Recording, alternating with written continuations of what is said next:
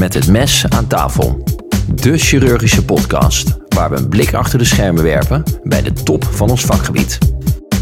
Welkom bij Met het Mes aan tafel, de chirurgische podcast met Tony Ruijs, Lars Brouwers en Victor Alberts. Vandaag hebben we als gast Dr. Rudy Raume en zullen we het hebben over acnes. Rudy Raume is chirurg en opleider, oud-opleider moet ik zeggen, in het Maxima Medisch Centrum te Veldhoven met als aandachtsgebied oncologie en dus ook acnes. Hij studeerde in 1983 af in Nijmegen en behaalde tevens een Amerikaans artsendiploma. Een bijzondere gast, mede omdat hij pas de 25e chirurg is sinds 1975 die van de Nederlandse Vereniging voor Heelkunde de Gouden Legpenning in ontvangst heeft mogen nemen. Dit vanwege zijn wetenschappelijke verdiensten op het gebied van borstkankerchirurgie, acnes en liespijn. Hij wordt gezien als de pionier bij de invoering en training van de schildwachtklierprocedure en introduceerde daarnaast als eerste die diagnose buikwand-pijnsyndroom, acnes. Niet geheel verwonderlijk is hij dan ook de oprichter van Solvimax, Center of Excellence for Abdominal Wall and Groin Pain. Hij is en was co-promotor van 14 promovendi en heeft meegeschreven aan 251 artikelen en 5 boekhoofdstukken. Hij won de Schoenmakerprijs voor beste publicatie maar liefst twee keer voor onderzoek bij patiënten met ARDS en multiorgaanfalen en ook onderzoek bij instabiele distale radiusfracturen bij ouderen. Toch een uh, moment van keuzestress en wat je allemaal leuk vond.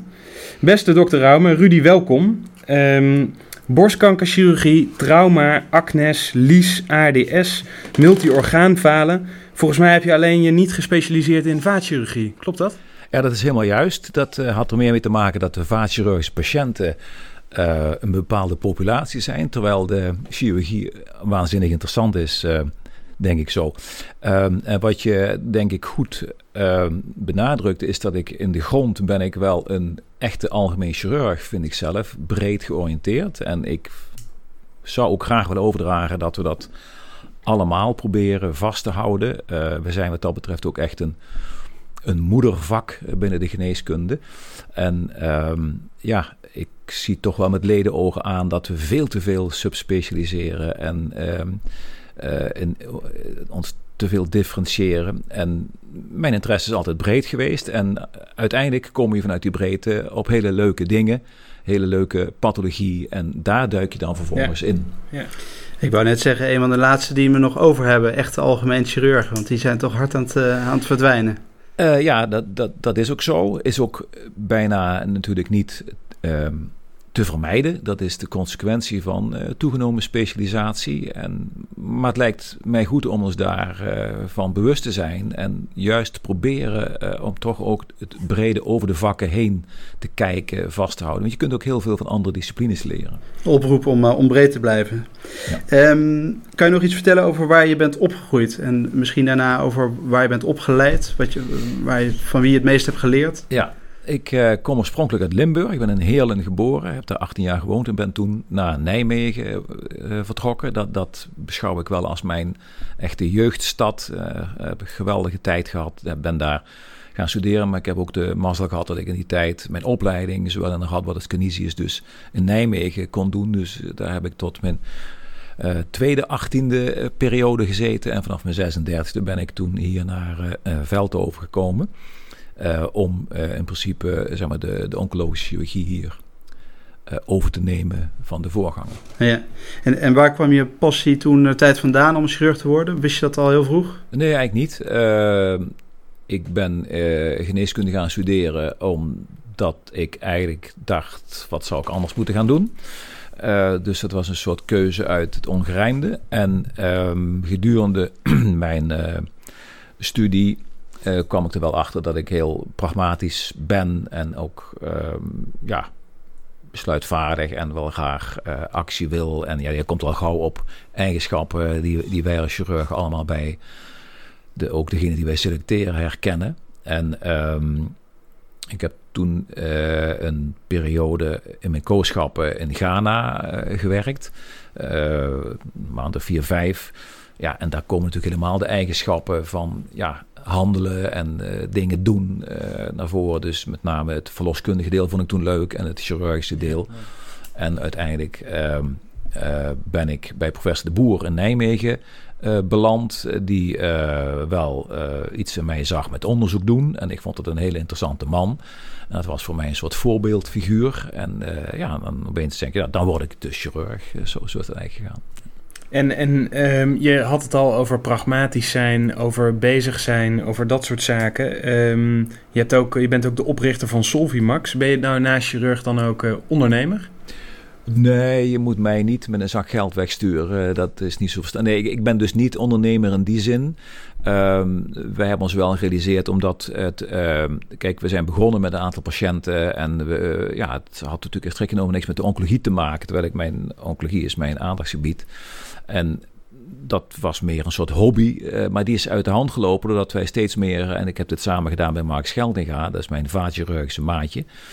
En uh, ja, op een gegeven moment liep dat uit de hand in de zin dat er gewoon steeds meer patiënten om ons afkwamen. Toen moesten we daar ook echt iets voor gaan uh, organiseren, in, met name polyklinische zin, operatiekamerfaciliteiten uiteindelijk reserveren. En toen hebben wij ons gerealiseerd dat het verstandig is om dat tot een centrum te benoemen. Ik heb ook uiteindelijk een expertisecentrum aanvraag gedaan bij het ministerie van WVS en uiteindelijk ook via uh, de STZ-ziekenhuis. Dus krijg je zo'n soort status van expertisecentrum. En dan is het natuurlijk wel ook goed om daar een naam aan te hangen. Maar wel allemaal hier dus? Ja, het is allemaal hier, maar het is gewoon uh, een, een naam. Eén deurtje verder is het wel. Huh? Het is in het, in het ziekenhuis één deurtje verder dus. Ja, ja het ja, is ja. gewoon in het ziekenhuis. Uh, en, maar het is met name voor de buitenwacht handig dat je zegt dat is een herkenbare afdeling in het ziekenhuis waar je naar kunt verwijzen. Duidelijk. Um, ik denk dat wij doorgaan naar het hoofdthema. wij gaan het hebben over uh, Agnes, dat, dat lijkt me duidelijk. Um, eerst een hele korte vraag. Waar staat het ook weer voor, Agnes? Ja, dat staat voor Anterior Cutaneous Nerve Entrapment Syndrome. En uh, het is dus niet Agnes, want dat is een meisjesnaam. En het is ook niet Acne, wat uh, jammer is dat als je googelt, dan kom je die twee ja, door elkaar ja, heen tegen. En dat werd in uh, 1926 al beschreven. Um, ja, dus uh, ja, de, de term Agnes is toen niet gebruikt. Uh, die is eigenlijk geïntroduceerd door Applegate. Dat is een chirurg die in de jaren 70 van de vorige eeuw daar best wel veel over geschreven heeft.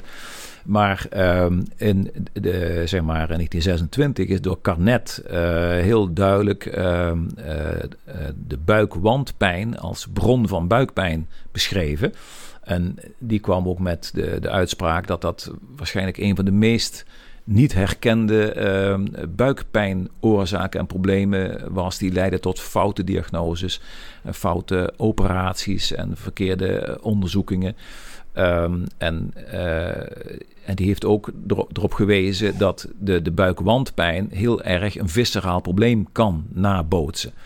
En nou, dat is eigenlijk de eerste, de, zeg maar, ik zou zeggen, de grondlegger van dit ja. probleem. Nou, en op Carnets test komen we zo ja. nog terug, inderdaad.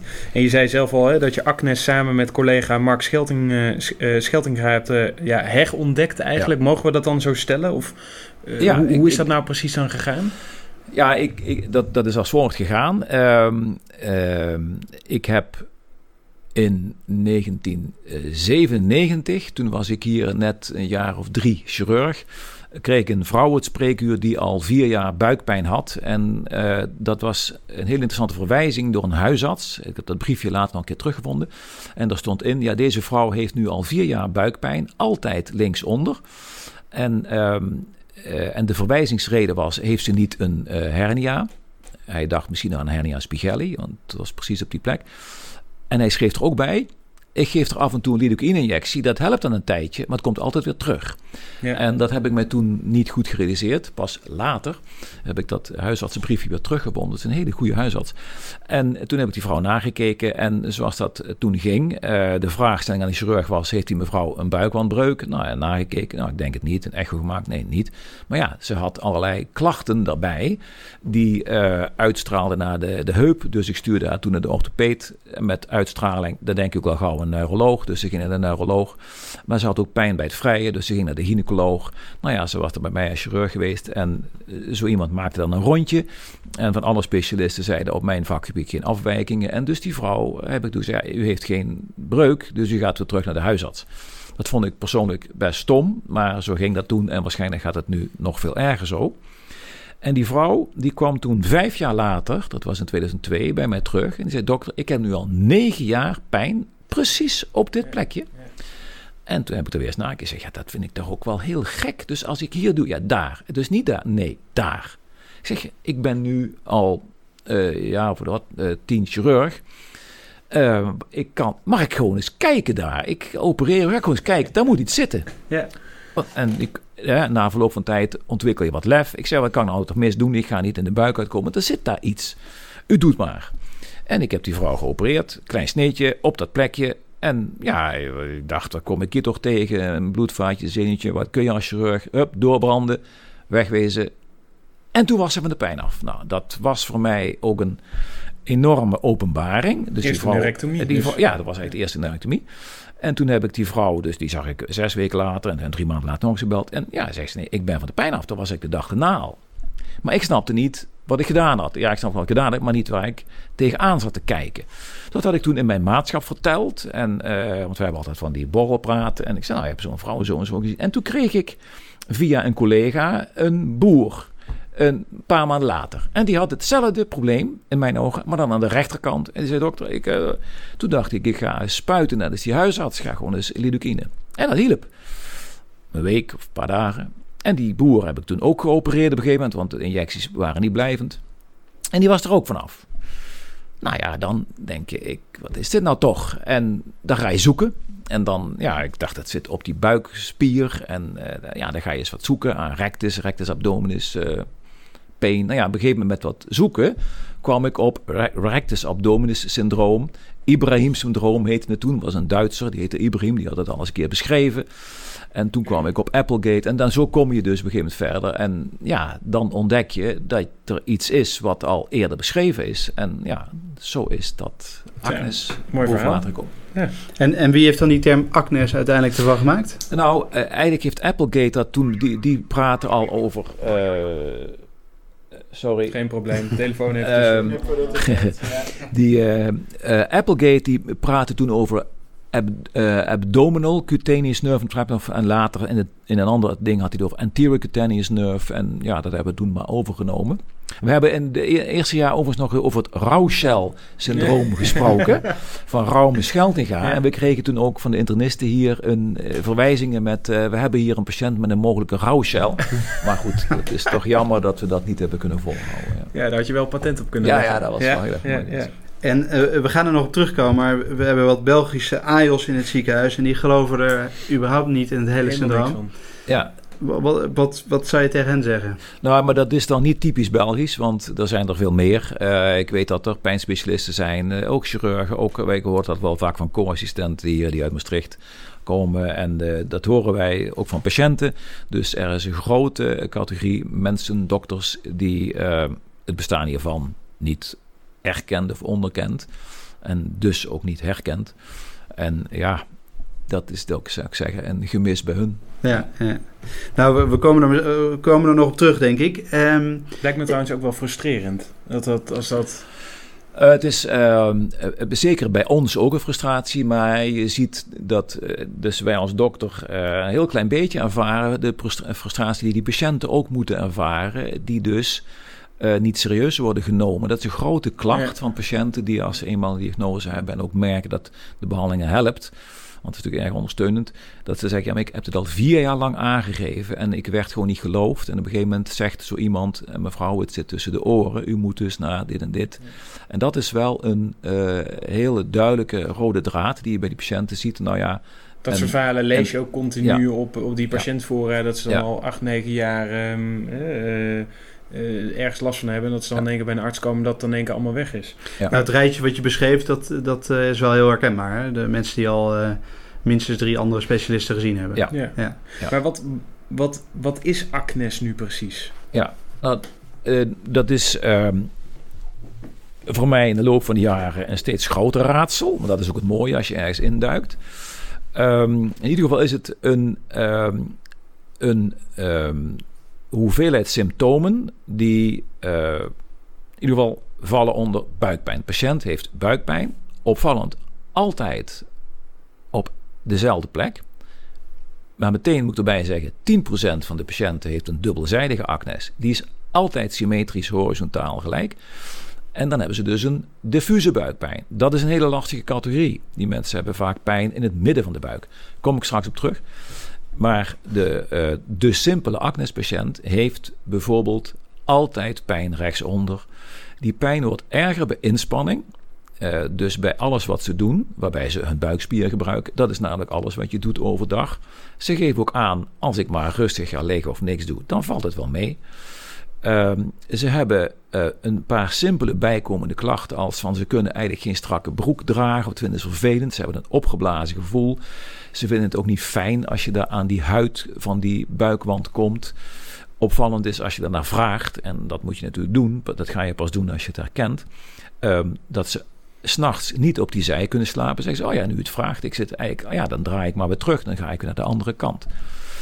En uh, ze kunnen uh, een aantal uh, typische handelingen niet doen. Vrouwen zeggen, ah, stofzuigen gaat niet, kan niet met mijn buik tegen de aanrecht aanstaan. Hele typische um, anamnese eigenlijk, als je eenmaal weet waar je naar moet vragen. Eigenlijk drukverhogende momenten op de buik. Ja, en um, het wel het lastige van Agnes is dat die mensen niet alleen buikpijn hebben. En ik heb in 2006 een klinische les geschreven van de eerste zes of zeven patiënten.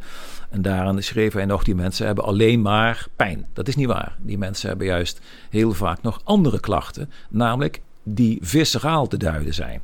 Opgeblazen gevoel, boeren, winderigheid, uh, een beetje misselijk, niet lekker. Als ze eten wordt het, doet het meer pijn. Uh, en dat zijn wel vage klachten, die, uh, die overigens ook wisselen van de locatie waar de acnes zit. Met name de linksboven acnes, die hebben veel meer maaggerelateerde klachten. De linksonder acnespatiënten hebben ontlastingsgerelateerde klachten.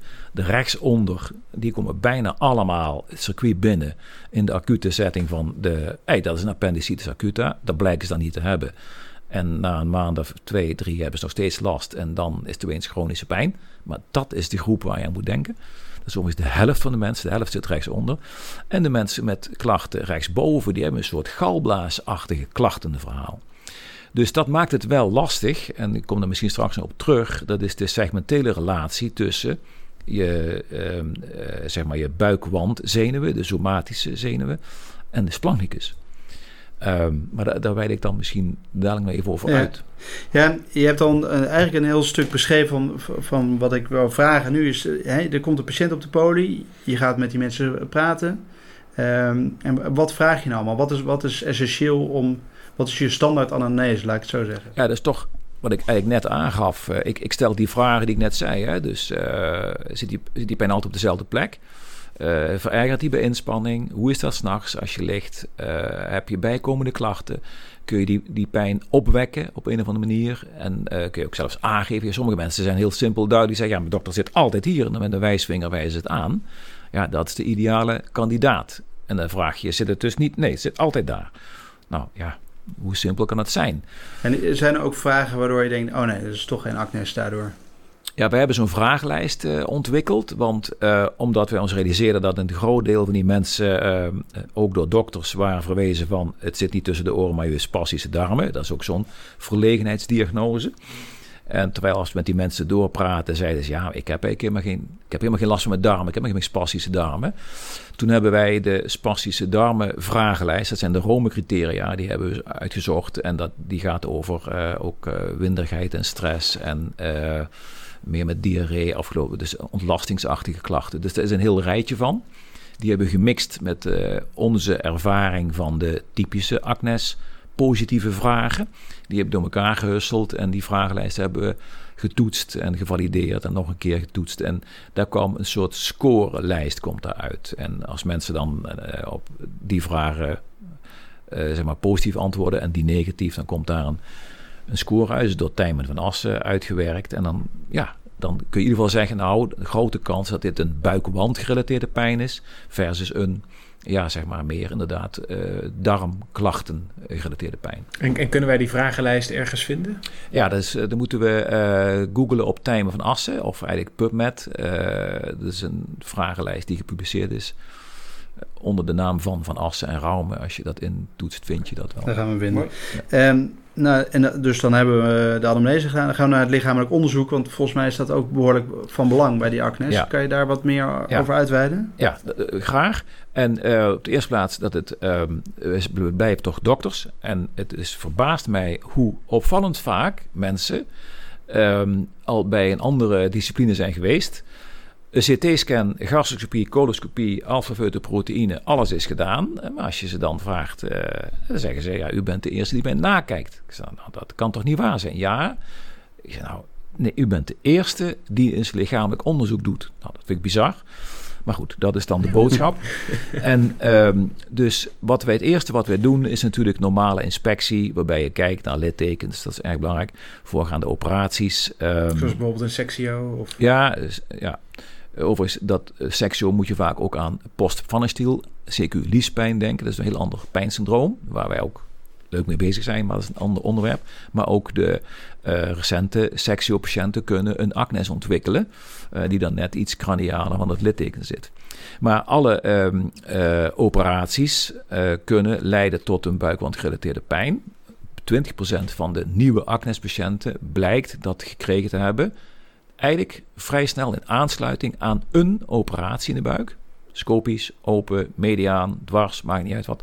Niet gerelateerd aan het litteken per se, maar ergens in de buikwand. Dus de trigger is de operatie zelf, misschien wel aan het orgaan, waardoor er in de buikwand ergens een triggerpunt ontstaat. En een triggerpunt dan dat er een zenuw komt Ja, we noemen het woord triggerpunt, gebruik ik dan. Dat is eigenlijk geen goede term, want triggerpunt heeft wel een medische betekenis. Dat komt dan uit de manuele therapie. Maar triggerpunt in de zin van pijnpunt. Maximaal pijnpunt is dan triggerpunt. Dus lichamelijk onderzoek begint dan met inspectie. En wij doen altijd simpele, uh, ik noem het altijd co onderzoek, uh, huidsensibiliteit. Want 80, 90 procent van de mensen heeft um, sensibiliteitsstoornissen. En de meest simpele zijn met tast. Ik pak altijd een wattenstaafje. En je vraagt, je moet even goed instrueren die mensen waar je naar op zoek bent. Uh, want niet iedereen begrijpt wat je bedoelt met voelt de huid, huid anders aan. Want dan, uh, zeker hier in Brabant, die vinden alles goed. En die zeggen dan, ja, ja is goed.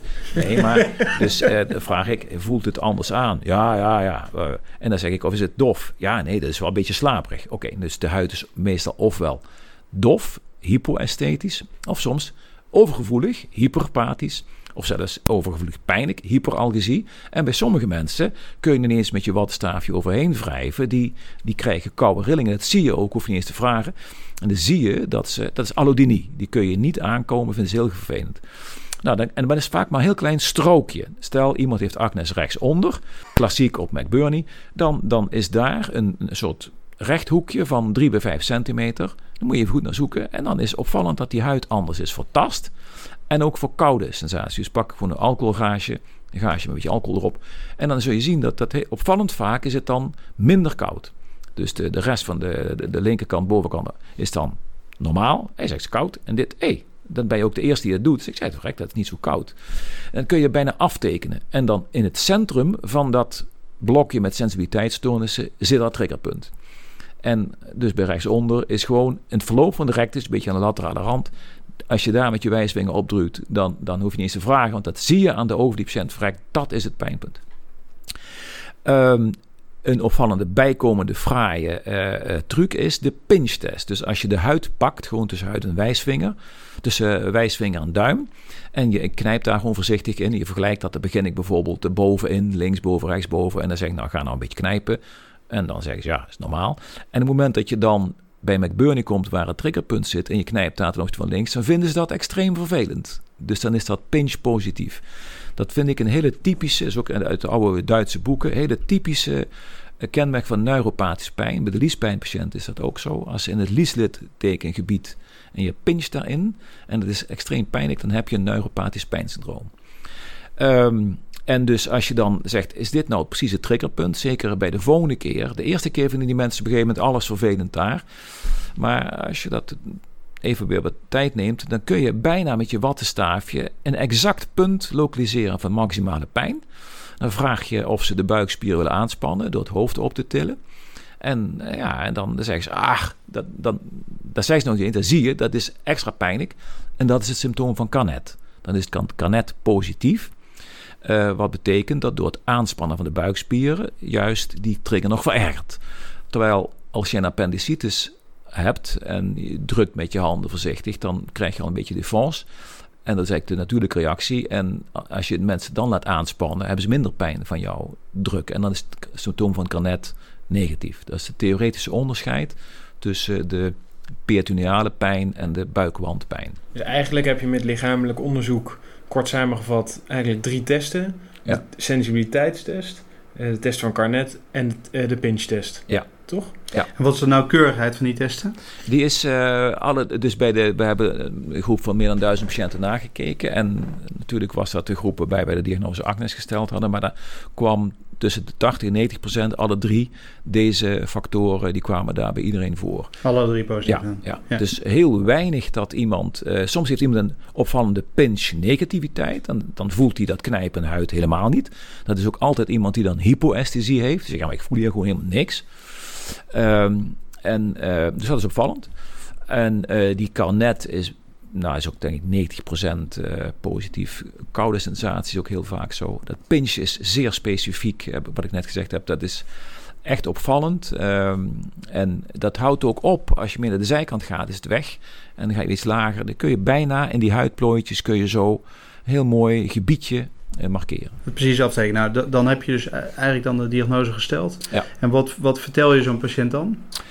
Nou, dan zeg ik uh, dat ik denk dat op basis van het meest lichamelijk onderzoek deze patiënt uh, voldoet aan de criteria van Agnes. En uh, dat het de moeite waard is om daar zijn behandelingsstrategie voor te beginnen. En niet weer een nieuwe scopie of CT-scan. Ja. En wat gaan we doen? En wij doen dan altijd eerst een lokale injectie. Toen ik daarmee begon, en daarom is dat zo gebleven. Maar dat kan ook veranderen. Want ik weet dat pijnspecialisten dat best wel veel vinden. Wij pakken, ik pak gewoon uh, een spuitje, uh, groene naald, 10 cc lidocaïne.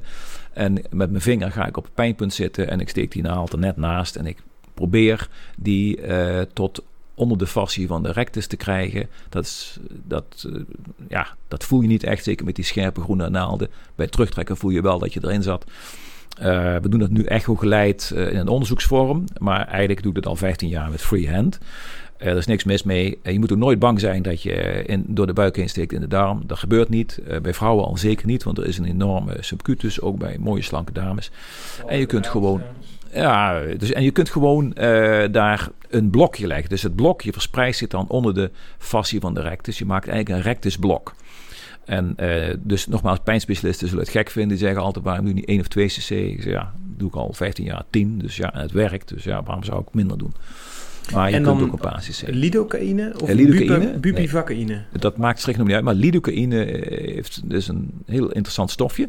Uh, je kunt 1 of 2 procent pakken, dat maakt niet uit. Maar van lidocaïne, maar dat is, die, van die caïnes is aangetoond dat die niet zozeer alleen maar een anesthesie geven, die gemiddeld genomen anderhalf uur duurt bij lidocaïne, maar iets doet aan de natrium-kaliumkanalen van die zenuwgeleiding, waardoor soms een on-off fenomeen ontstaat. De, de drempel verdwijnt en die zenuw is voor drie, vier, zes dagen, twee weken, is een beetje pijn weg. En dan komt het soms weer terug, of vaak. Eigenlijk misschien een soort van res reset ja. van ja. uh, de zenuw. Ja, en dat is, uh, hebben wij hebben toevallig recent review gedaan van, uh, al, van die lidocaïne effecten. En bij alle mogelijke perifere entrapments blijkt in 10% van de gevallen bij mensen die chronisch pijn hadden, noem maar drie jaar pijn bij je nervus of venus of whatever, één injectie, over. Volledig over, langdurig. Dat is dus door één lidocaïne injectie kun je dat een on-off fenomeen terugdraaien. En dat is bizar en heel praktisch. Ik zou zeggen, en ik, voor ik op die acnes deed ik bij de mama patiënten die heel vaak over pijnklachten uh, uh, spraken. Met name zie je dan het tendinitis van de korte bicepspace. Gewoon spuitje pakken, verdoven. Heel veel mensen, zeker nu ik dit in die acnes business zit, hebben ergens specifieke pijnpunten. En wij zijn dokters en chirurg, je pakt een spuitje, een beetje lidocaïne en eens kijken wat het doet. En dan heb ik heel veel mensen, ook op andere plekken dan acnes, van hun pijn afgeholpen. En, en laat je mensen dan ook um, even terug plaatsnemen in de wachtkamer en dan vervolgens een kwartiertje laten binnenkomen? Ja, dat, ik, dat vind ik altijd wel handig, want dan krijg je een beetje feedback. is ook leuk om te zien dat die mensen dan zeggen: hé, hey, dat voelt heel anders aan. Uh, oh, dat is opvallend, dat is uh, fijn. En uiteraard er zijn ook mensen, uh, zeker één op de drie, bij het gewoon niet werkt of die meer last hebben. Dat is dus, dus niet zo. En het is ook geen voorwaarde voor de diagnose acnes dat je lidocaïne-injectie moet werken. Het is handig, het ondersteunt je diagnose, maar het is geen voorwaarde. Oké, dat, is, dat is denk ik belangrijk om te weten. Ik, uh, ik deed met name met die injectie de, ja. de diagnose. Ja. ja. Um, en wat is dan de volgende stap als dat dus niet werkt? Ja, dat, uh, nou, we blijven, blijven toch die injecties een aantal keer doen. We hebben nu zo'n prikpolie een, Sorry, een, een, derde werkt dus wel. Hè? En bij een nou, derde dus zijn we doen het zo. Uh, we laten die mensen uh, terugkomen. want we gaan er eigenlijk van uit dat het maar tijdelijk werkt.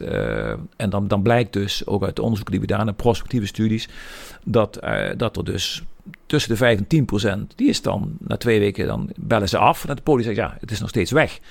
Dus moet ik nog komen, dokter? Ja, dan hoeft dat niet te komen, maar een keer terug als het terugkomt. Um, maar in principe geven ze een afspraak voor onze prikpolie. En dat hebben we zo ingericht dat die mensen drie of vier keer achter elkaar om de twee weken injecties uh, doen. Uh, toen hebben we uitgezocht, moet je corticosteroïden toevoegen? Dat voegt niks toe. In de gerandomiseerde setting uh, is er geen enkel effect van die corticosteroïden bij acnes. En dus laten we dat. Um, wij doen gewoon drie, vier keer lidocaïne-injecties. En dan kun je 30% van de mensen van de pijn afkrijgen. Nou, die zijn klaar.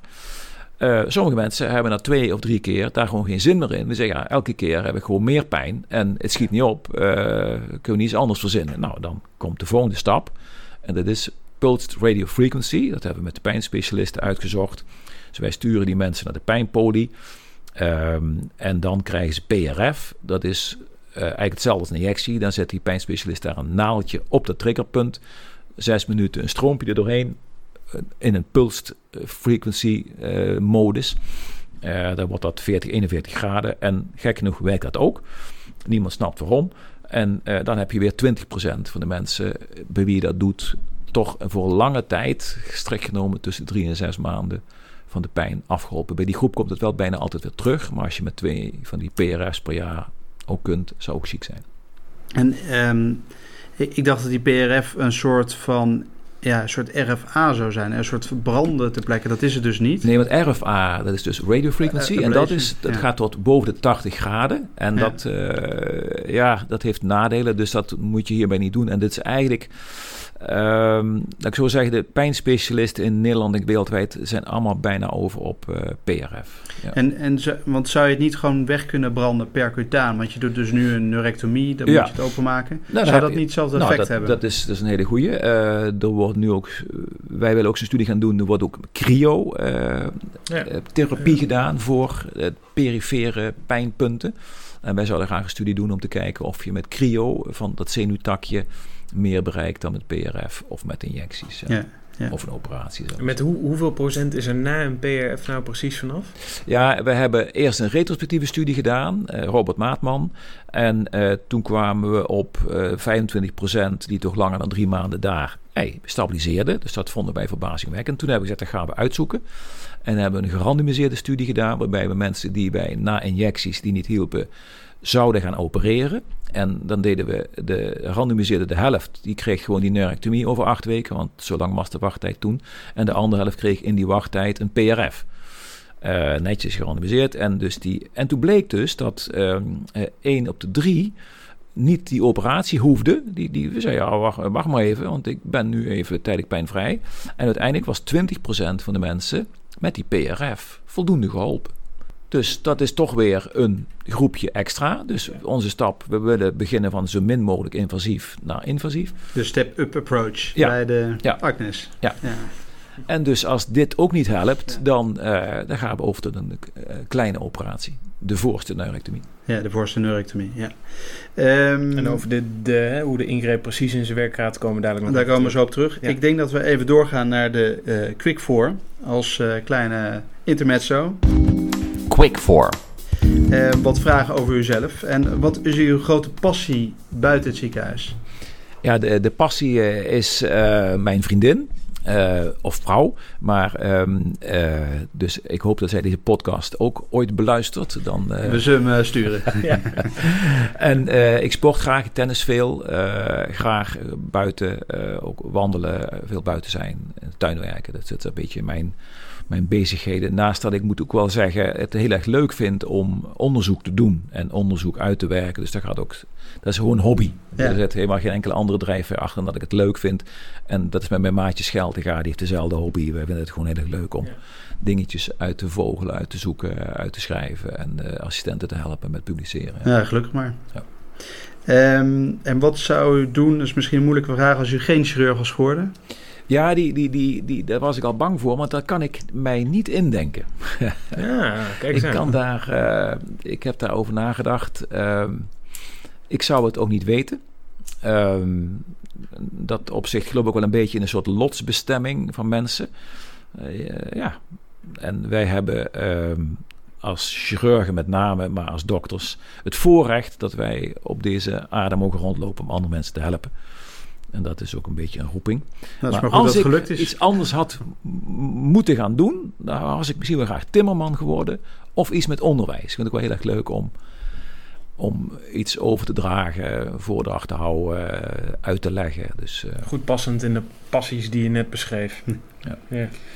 En als je jezelf dan op de eerste dag van de opleiding een advies kon geven, wat zou dat dan zijn? ja, dan, dan, dan zou ik echt adviseren, eigenlijk ook wat ik gedaan heb, verdiep je in de casus. Casuïstiek is de basis van ons vak.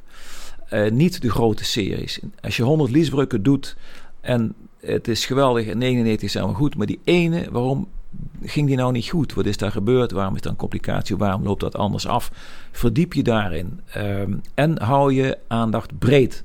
Ik heb heel veel casuïstiek gepubliceerd ook. Uh, over de meest gekke onderwerpen, omdat ik dat heel interessant vind. Dus een gekke radiusfracturen? Ja, daar ben ik mee begonnen. Ja, dat, dat, dat was echt... Uh, daar heb ik ook een mooie serie over gemaakt. Maar, daar had ik ook willen promoveren, maar daar zag mijn promotor toen niet zitten.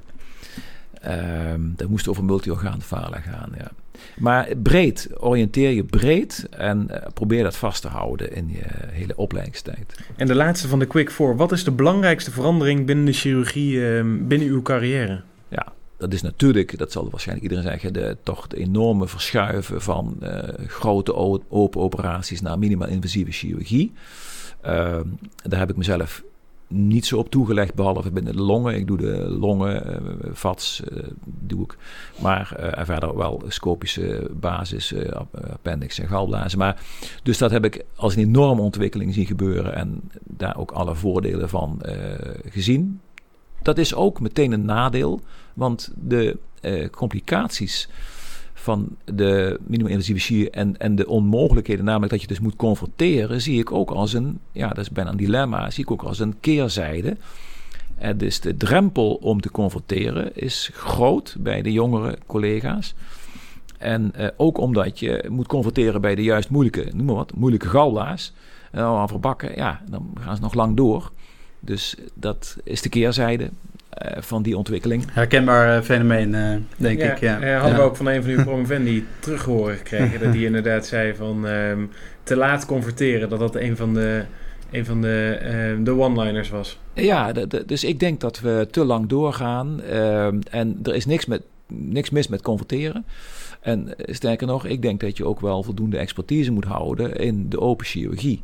En dat moet je uiteraard niet ten koste van patiënten doen. Maar je mag daarin, denk ik ook voor je expertisebehoud best wel laagdrempelig uh, confronteren. Ja. ja. gaan we onthouden. Gaan we weer terug naar de Agnes? Ik denk het wel. Um, ja, we lazen terug dat je beschrijft dat uh, ongeveer 1 op de 50 van de acute buikpatiënten op de SEH Agnes heeft dat is wel heel erg veel. Is het dan, als je een hamer bent, zie je ineens overal spijkers?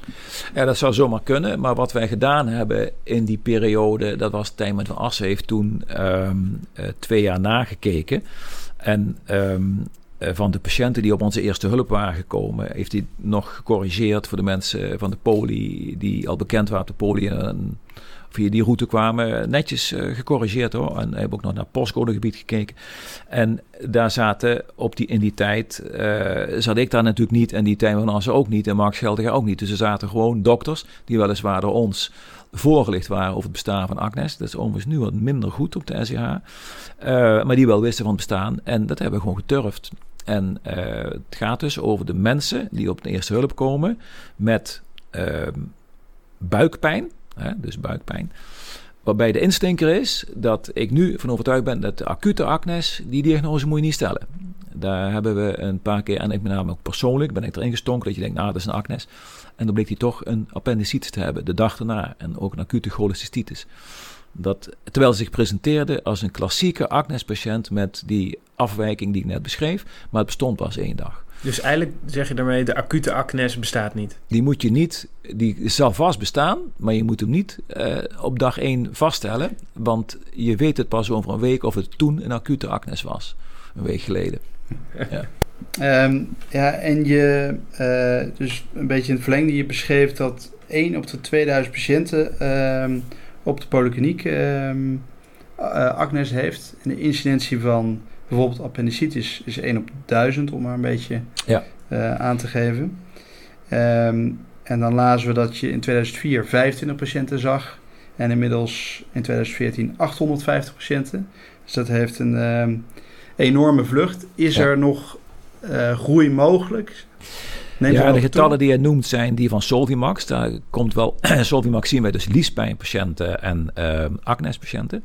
En acnespatiënten zijn natuurlijk mensen met buikpijn. Er zijn nu inmiddels gegroeid naar 1200 per jaar. Verwijzingen uit heel Nederland. Tweederde komt van buiten ons adherentiegebied. Daarvan is van die 1200, ik denk inderdaad een stuk of 700, 800 buikpijn en 300, 400 liespijn. De liespijnpatiënten zijn natuurlijk hoofdzakelijk de post van keizersnede pijn mensen, vooral vrouwen en de liesbreukpatiënten. Maar, um, en dus die, uh, maar goed, dat is allemaal buiten ons adherentiegebied. Um, wat wij toen gedaan hebben, is gekeken naar de incidentie van acnes binnen onze eigen postcodegebied. Uh, naar wat wij toen gezien hebben. En dat hebben we een beetje geëxtrapoleerd. Uh, en daar moet je zeggen tussen 2 en 4000. Incidentie tussen 2 en 4000 ongeveer. En dat is eigenlijk ook helemaal niet zoveel. Want dat betekent dat een huisarts met een gemiddelde praktijk van 2500 mensen ziet er één per jaar. Dat is helemaal niet zoveel. En uh, wij chirurgen zien natuurlijk altijd een rare selectie mensen. Hè? Dus een huisarts ziet ook maar twee of drie nieuwe borstkankerpatiënten. Want de incidentie is 1 op 1000. En uh, terwijl wij zien heel veel borstkankerpatiënten. Wij zien elke dag een appendicitis. Alleen de huisarts ziet er ook maar twee per jaar. dus uh, dan moeten wij ons ook realiseren als wij als specialisten aan deze tafel zitten en weer een huisarts zitten uit te lachen dat hij een diagnose gemist heeft. Nee, hij heeft wel heel veel andere mensen met buikpijn gezien. Ja, het ja. adherentiegebied uiteindelijk is een paar honderdduizend per ziekenhuis natuurlijk. Dus dat, dat maakt nog wel uit met die huisarts van 2500 patiënten. Ja. Ja. Um, ja, we hadden het al eerder een beetje over dat jullie ook wel nou echt wel uh, sepsis zien uh, over, over de diagnose. Hè? Dat er ja. een, een, kritiek daarop. Um, en ja, toen hebben jullie beslo besloten om een RCT te doen. Dat is het beste tegenantwoord natuurlijk. Ja, waarbij de, dat is altijd het beste tegenantwoord. Ja. Waarbij de Agnes een, een neurectomie en, een, en zelfs een sham-operatie ja. hebt vergeleken. Ja. Um, kan je daar wat meer over vertellen, over die ja. trial? Ja, ja, want in die tijd werd ik uh, nog uitgelachen door de anesthesisten hier aan huis. Overigens nog steeds, maar om andere redenen. en um, de, uh, die zeiden echt, ja, wat jij daar doet, uh, nou, dat is echt onzin. En die mensen hebben allemaal weer pijn over een tijdje. En nou, toen heb ik gezegd dan... En ik had over een, een vriend, chirurg, die zei ook, ah joh, dat is... een hype en het gaat wel over. Ik zei, nou, dan ga ik voor jullie een trial doen. En dan gaan we dat nou, netjes bij de MTC aangevraagd. En uh, dus de, de groep mensen die de injecties gehad hadden, toen deden we nog geen PRF. En die ik dus normaal gesproken dan een neurectomie zou doen, die vroeg ik, uh, doet u mee? U gaat dan narcose. Ik uh, maak een snee. Ik ga alleen door de subcutus heen. Ik, kijk naar die zenuw, doe niks en ik maak het weer dicht. Of ik knip die zenuw door of brand hem door. U krijgt niet te horen wat ik gedaan heb. En uh, na zes weken gaan we de pijnscore opnieuw checken en dan beslist u of het geholpen heeft of niet. Nu hadden we inmiddels de ervaring dat bij die neurectomieën en bij die acnesbehandeling is het eigenlijk vrij zwart-wit. Het helpt of het helpt niet. Er zit weinig tussen. Die mensen die kunnen echt zeggen, ja, het is gewoon heel anders, het is over. Of... Helpt een beetje. Nee, dan zijn ze aardig voor je. Zeggen ze, probeer die dokter niet te beledigen. En dan zeggen ze, ja, een beetje geholpen. Maar de bedoeling is gewoon, heeft niks geholpen. Um, en dan dus de MTC die vond het prima. En tot mijn verbazing heeft geen enkele patiënt geweigerd toen. En we hebben netjes twee groepen van 24 patiënten gemaakt. Als je, dan zou je zeggen, ja, wat weinig. Nee, maar als je een powerberekening hebt waarbij de verschillen Ehm, op voorhand, als je die powert als heel groot, dan, en, dan heb ik maar weinig mensen nodig. En dat bleek ook zo, drie kwart. Uh, en dat was precies het aantal wat ook reageerde in onze retrospectieve studie. Drie kwart had er baat bij, 70% zeg maar. En, en uh, ik geloof 25 of 30 procent, die had ook baat bij de sham-operatie. Gelukkig maar, want nul gelooft niemand. Uh, dat moet ook altijd iets zijn uh, van toch een effect. En ehm, nou ja, daarmee was het wel gewoon bewezen, omdat die mensen pas na zes weken uh, te horen kregen. Bij u heb ik uh, die zin helemaal niet doorgeknipt. En die, uh, zeg maar, die, die, die, die driekwart die niet kregen, die kregen toen hun neurectomie aangeboden. En grappig genoeg, van die driekwart, die dus toen die allemaal een neurectomie kregen uit de sham-groep, was weer 70% uiteindelijk zei, nou ben ik er vanaf. We hebben een soort crossover ook gedaan dus. Ja, voor de, dat was een backup voor die mensen. Van ja, ja, ja ik heb nu geloofd voor uh, niks. Uh, wat krijg ik nou? Dus wie krijgt dan toch die neutomie. Ja, maar het is eigenlijk heel interessant. Want het is een super eenvoudig verrichte RCT met hele duidelijke uitkomsten. En waarom neemt dan niet België of de rest van de wereld dit over? Ja, dat is bizar, maar ze doen ook nog steeds uh, arthroscopische knie-shavings. Terwijl al twintig jaar geleden ook zo'n trial gedaan is door orthopeden, dat dat geen enkele zin heeft. En zo zijn er nog wel meer dingen. Dus de implementatie van iets wat je in een studie doet, uh, om vervolgens in de ja, gewone gezondheidszorg te krijgen, dan zie je, stuit je dus heel vaak op gewoontes, ongeloof. Eigen ideeën over, over zaken. Ja. En, en uh, we hebben het nu elke keer over België, maar hoe denkt eigenlijk de rest van de wereld nu over ja. Agnes? Is dat iets wat toch wel opgepikt is? Of ja, eigenlijk helemaal niet? Dat, jawel, dat is eigenlijk heel erg leuk opgepikt. We hebben, uh, uh, wij hadden vanwege de liespijn contacten met de pro professor Kelet. Dat is een, echt een beroemdheid op de pijn in, in Kopenhagen, Denemarken. En uh, toen kregen wij uh, contact over die Agnes. En nu de opvolger van hem, Biesgaard, die zit in Kopenhagen. Die is hier komen meedoen. Die heeft hier meegedaan, Poli. En die ziet nu, heeft nu een Agnes Poli daar in Kopenhagen. Uh, professor Ali Sheen, dat is een liespijnspecialist in Manchester, die al die voetballers uh, in zijn lies opereert. Hij is grappig genoeg ook leverchirurg, is hier bij ons geweest en ziet nu Agnes-patiënten in Manchester. In Oslo zit Stoep Hauk, dat is professor van de pijn in uh, Noorwegen, zo georganiseerd dat iedereen met neuropathische pijn gaat naar Oslo. En in Oslo zit een Agnes kliniek nu. En er zit nog een tweede in Noord-Noorwegen. Het, het, interessante van het verhaal vind ik dan toch dat uh, dat zijn dus allemaal mensen die dus hebben wat gelezen, die komen bij je, die willen het zelf zien. Ja. Dus het is toch, een studie is eigenlijk onvoldoende. Ze willen ook nog even zelf zien dat het Nou, zou. zij kwamen toen vooral van, ja, wat doe je nou precies en hoe heb je het georganiseerd en wat doe je nou eigenlijk bij die operatie? Want uh, ja, uh, dat wil ik toch even precies zien. In uh, Boston zit nu een kinderkliniek waar we contact mee hebben en die zien dus de kinderen met Agnes daar. En het begint wel echt zo een beetje...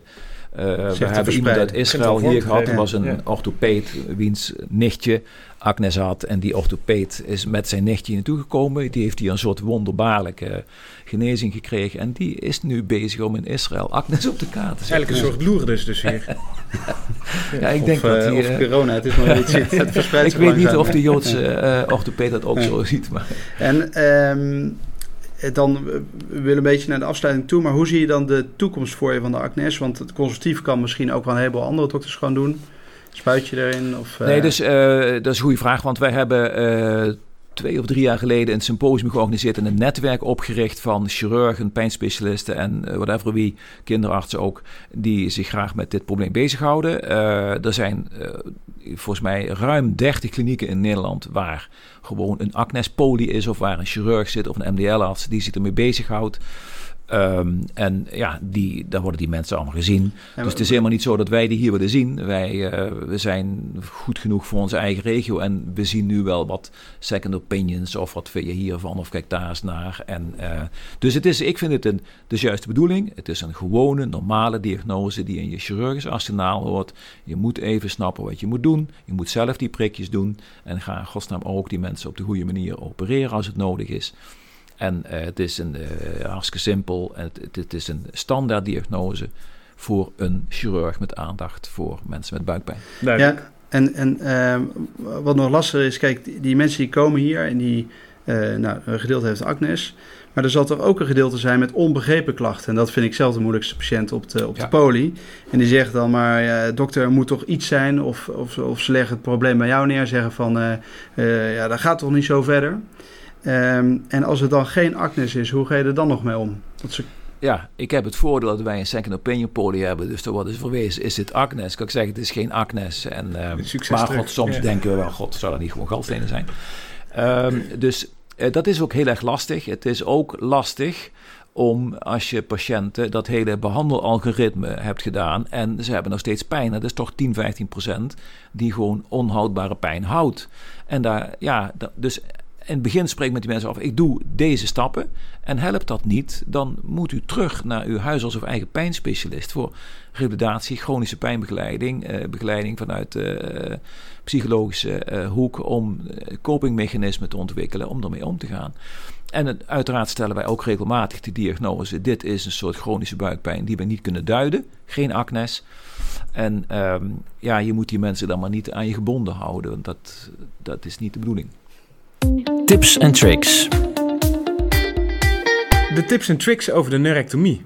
Ja. We gaan heel kort een aantal tips en tricks met je doornemen. Ehm, hoe teken je van tevoren af en teken je van tevoren af? Ja, het is heel belangrijk. Dus wat wij tegenwoordig veel doen is op de polykliniek al met die mensen even eh, zeggen, wat is dit nou? Eh, Dit is uw triggerpunt en dat is dan vrij consequent. En even maken we een fotootje van, zetten we in multimedia in Higgs. Dus dan kun je altijd even zien van, eh, is het inderdaad de rechtsondernavel of is het rechtsbovennavel? Sommige mensen zijn erg nerveus bij de sign-in en die eh, vinden dan elk pijnpunt wat je zegt, eh, ja, ja, daar zit hij.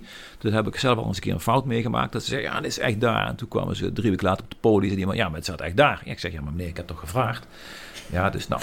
Dus daar kun je wel instinken. Eh dat moet je echt netjes doen. Eh, dus goed vastleggen in je documentatie. Bijvoorbeeld eh ondernavel, drie centimeter uit de mediaanlijn. Daar zit hij. Of boven. hè.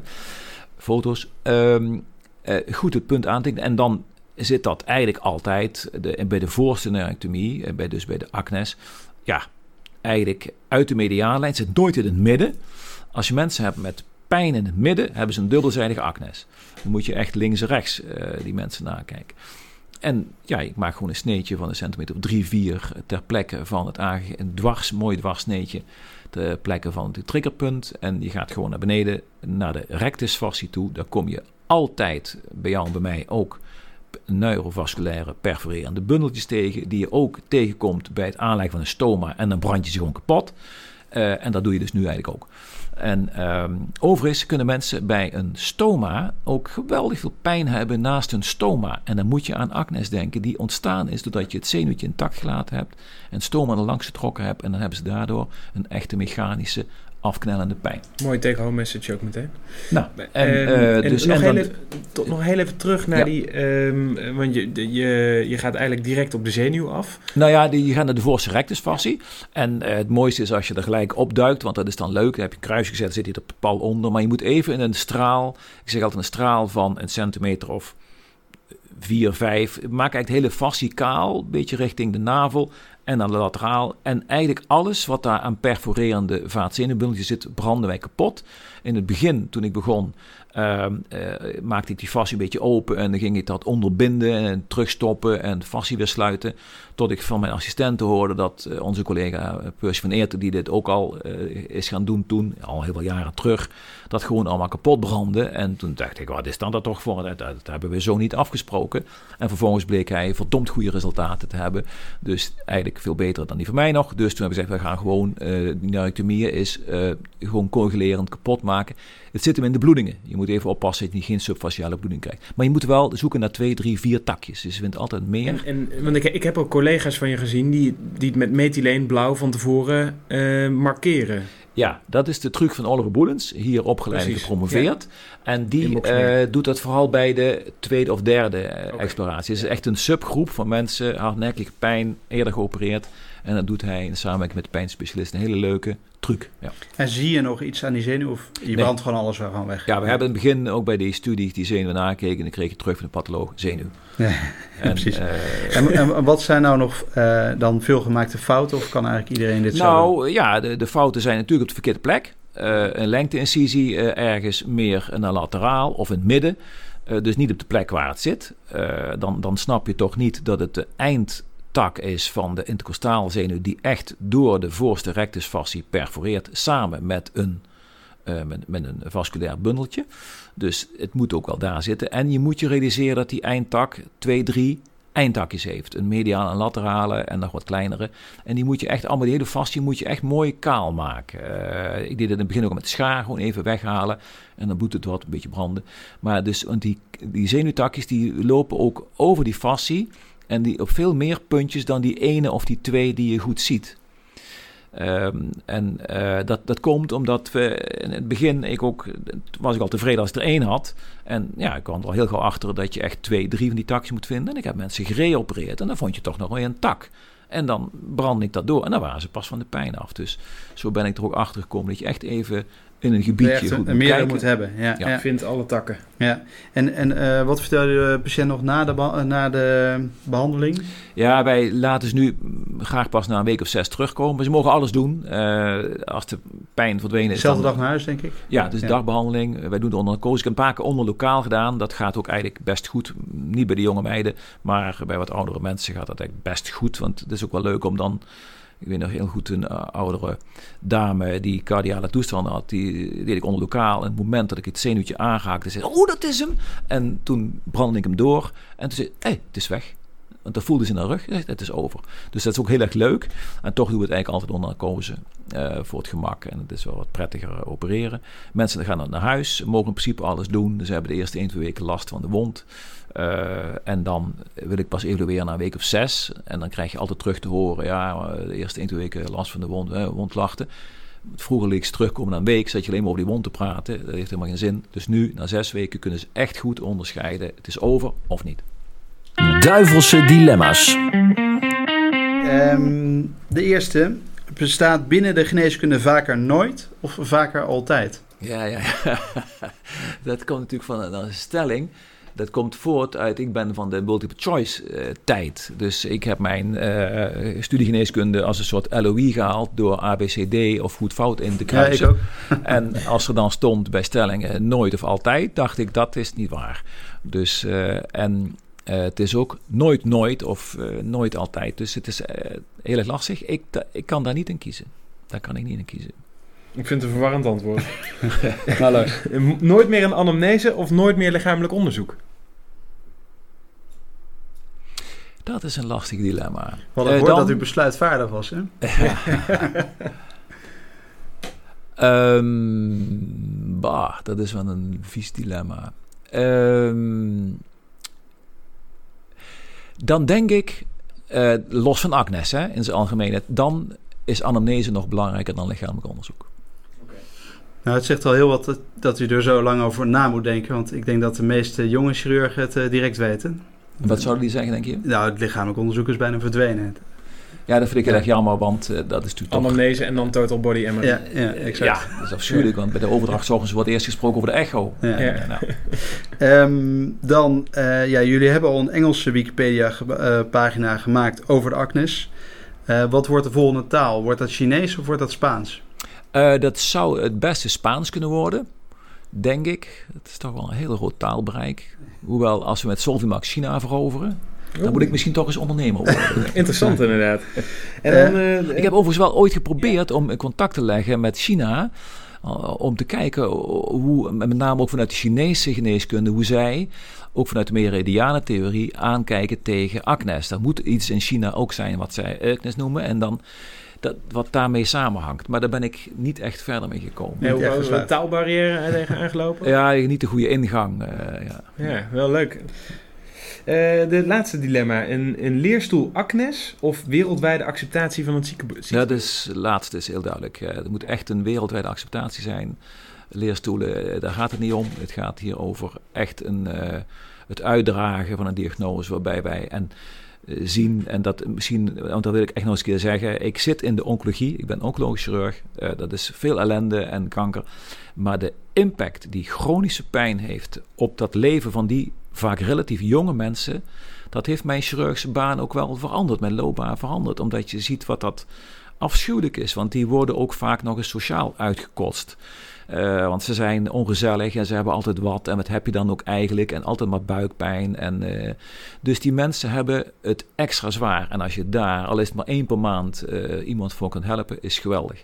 En dat is, um, dat, dat, en ja, op zijn minst even belangrijk als het oncologisch traject. Ja. Mooi afsluiten, denk ik, Tony. Ja, en um, ja, ik wou eigenlijk nog het laatste woord uh, aan jou geven. Wat ja. moeten we onthouden van deze podcast? Uh, wat is de belangrijkste right home point? Nou ja, dat, dat, dat is een, uh, een klassieker van onze nationale filosoof, Johan Cruijff. En dat is toch eigenlijk, je gaat het pas zien als je het door hebt. En dat hoef ik misschien niet uit te leggen, maar dat geldt echt voor deze diagnose en dat, dat is, jullie beginnen steeds voor die Belgen, maar de mensen die deze diagnose niet kennen en ook niet willen kennen, gaan het ook niet zien en gaan hem dus ook niet stellen.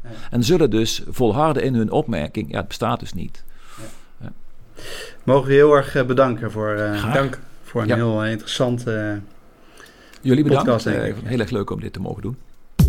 Dit was Met het Mes aan tafel. Deze podcast wordt mede mogelijk gemaakt door Johnson Johnson. Dank voor het luisteren en tot de volgende uitzending.